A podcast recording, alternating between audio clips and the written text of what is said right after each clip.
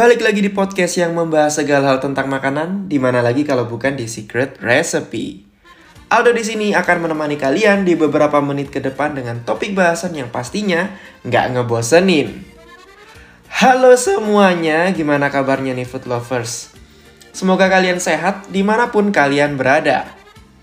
Food lovers, kalian pernah nggak sih nonton tutorial masak entah di Instagram, TikTok, atau YouTube. Terus ada istilah yang kalian asing banget atau jarang banget dengar. Apalagi kalau nonton kontennya itu yang dari luar ya atau pakai bahasa Inggris. Hari ini saya mau kasih tahu beberapa istilah dalam dunia kuliner yang biasanya dipakai ya apa yang namanya yang paling umum aja sih. Apa aja itu? Langsung aja check this out. Pertama, ada sauteing atau saute. Saute ini adalah istilah bahasa Inggris yang merujuk pada menumis. Jadi kalau ada istilah saute di video atau bahkan di buku-buku masak itu artinya menumis ya food lovers. Kalau merebus bahasa Inggrisnya boil, kalau merebus perlahan apa namanya? Yo. Namanya simmering. Jadi simmering itu merebus menggunakan api kecil sehingga bahan makanan yang diproses bisa lunak secara perlahan dan untuk membuat kaldu agar air kaldunya tidak keruh. Kalau biasanya merebus namanya boil dan merebus dengan api kecil namanya simmering, kalau merebus sebentar namanya blanching. Jadi blanching itu proses merebus sebentar Lalu hasil rebusan tadi dimasukkan ke dalam air dingin agar proses memasaknya berhenti atau stop cooking proses. Biasanya yang memakai metode ini adalah sayuran. Jadi sayuran yang habis direbus dimasukkan ke dalam air es sehingga nggak kelewat matang atau overcook. Nah biasanya sayuran-sayuran ini biasanya akan diproses e, lagi atau diproses ada tahapan selanjutnya. Misalnya nih, kayak kita mau menumis sayur atau bikin saute vegetable. Nah, sebelumnya itu harus di blanching dulu atau direbus dulu. Jadi kayak wortel ataupun uh, turnip ataupun ya sayur-sayuran lainnya, ada brokoli atau cauliflower juga bisa. Nah, itu kita rebus dulu sebentar lalu kita masukkan ke dalam air es sehingga stop cooking proses. Nah, setelah itu baru kita akan tumis menggunakan boleh pakai onion, boleh pakai garlic atau boleh pakai keduanya. Terus boleh nanti ditambahin pakai herbs atau rempah-rempah. Nah, kenapa harus begitu? Nah, kalau misalnya kita tumis langsung dari bahan mentah itu udah pasti akan keras atau nggak akan matang. Nah, jadi harus di blanching dulu. Next, ada Ben Mary atau O Ben Mary. Ben Mary ini sering banget dipakai untuk dessert biasanya. Untuk ngelelein coklat, tapi bisa juga untuk processing hollandaise atau bernaise sauce. Jadi Ben Mary ini adalah proses memasak dengan double boiler. Jadi bawahnya itu panci yang berisi air panas dan atasnya adalah stainless bowl atau e, bowl dari kaca juga bisa. Dan kita memanfaatkan uap air untuk melelehkan atau memasak si telur. Nah mungkin ada yang nanya nih, ribet amat, kenapa nggak langsung aja dari panci? Kalau kita langsung direct heat dari api kompor, coklat yang kita lelehkan terkadang menjadi rusak atau biasanya uh, apa ya kayak overcook, dia akan menggumpal.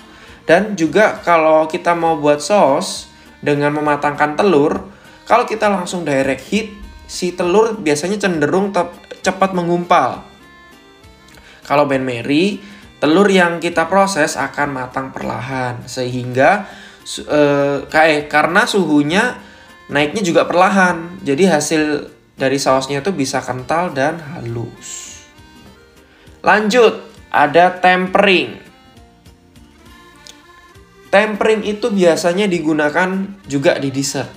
Biasanya untuk coklat dan juga untuk telur juga.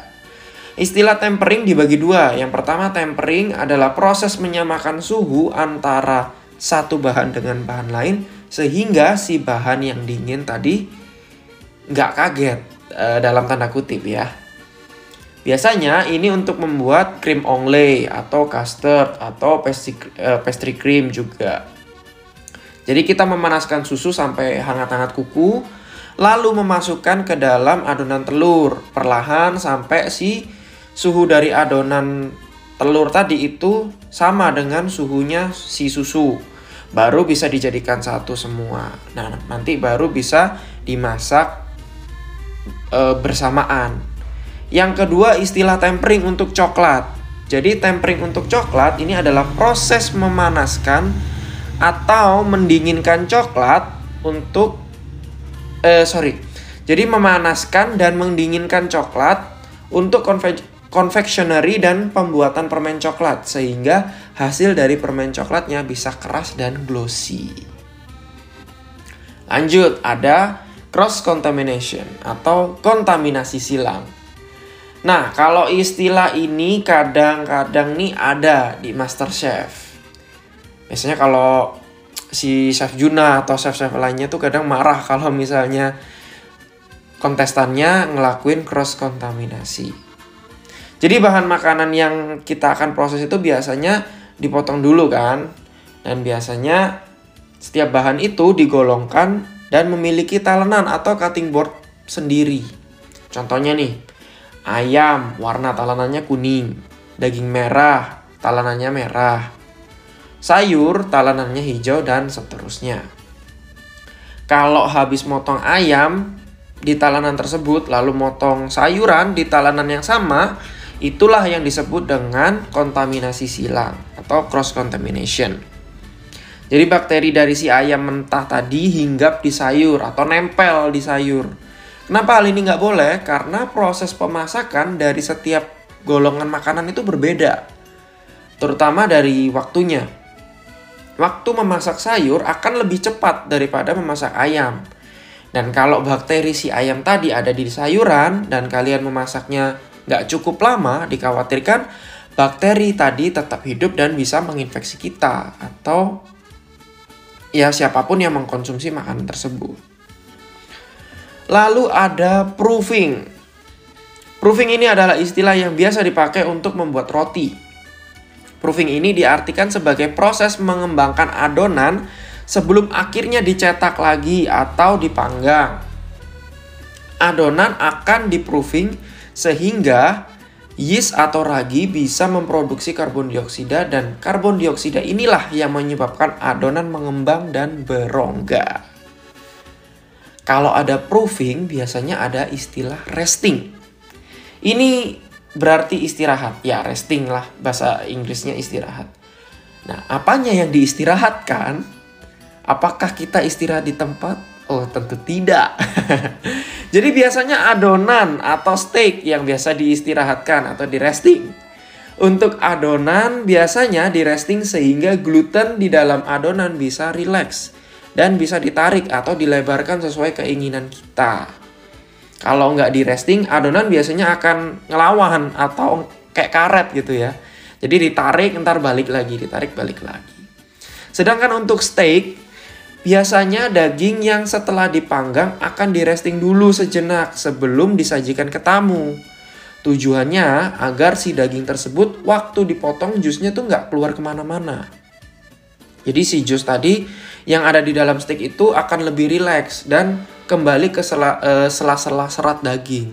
Kalau misalnya kita manggang steak ya kan, itu biasanya di dalamnya si jusnya mereka akan boiling juga.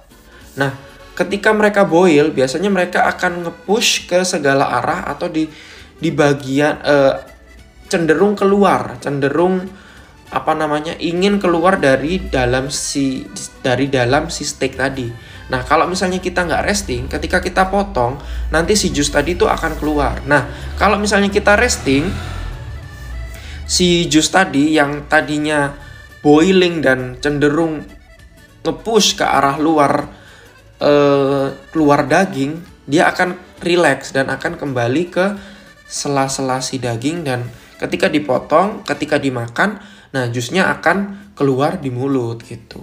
Nggak, nggak keluar ke mana-mana waktu dipotong di, di piring. Gitu. Banyak ya istilah-istilahnya. Sebenarnya masih banyak lagi istilah-istilah dalam memasak.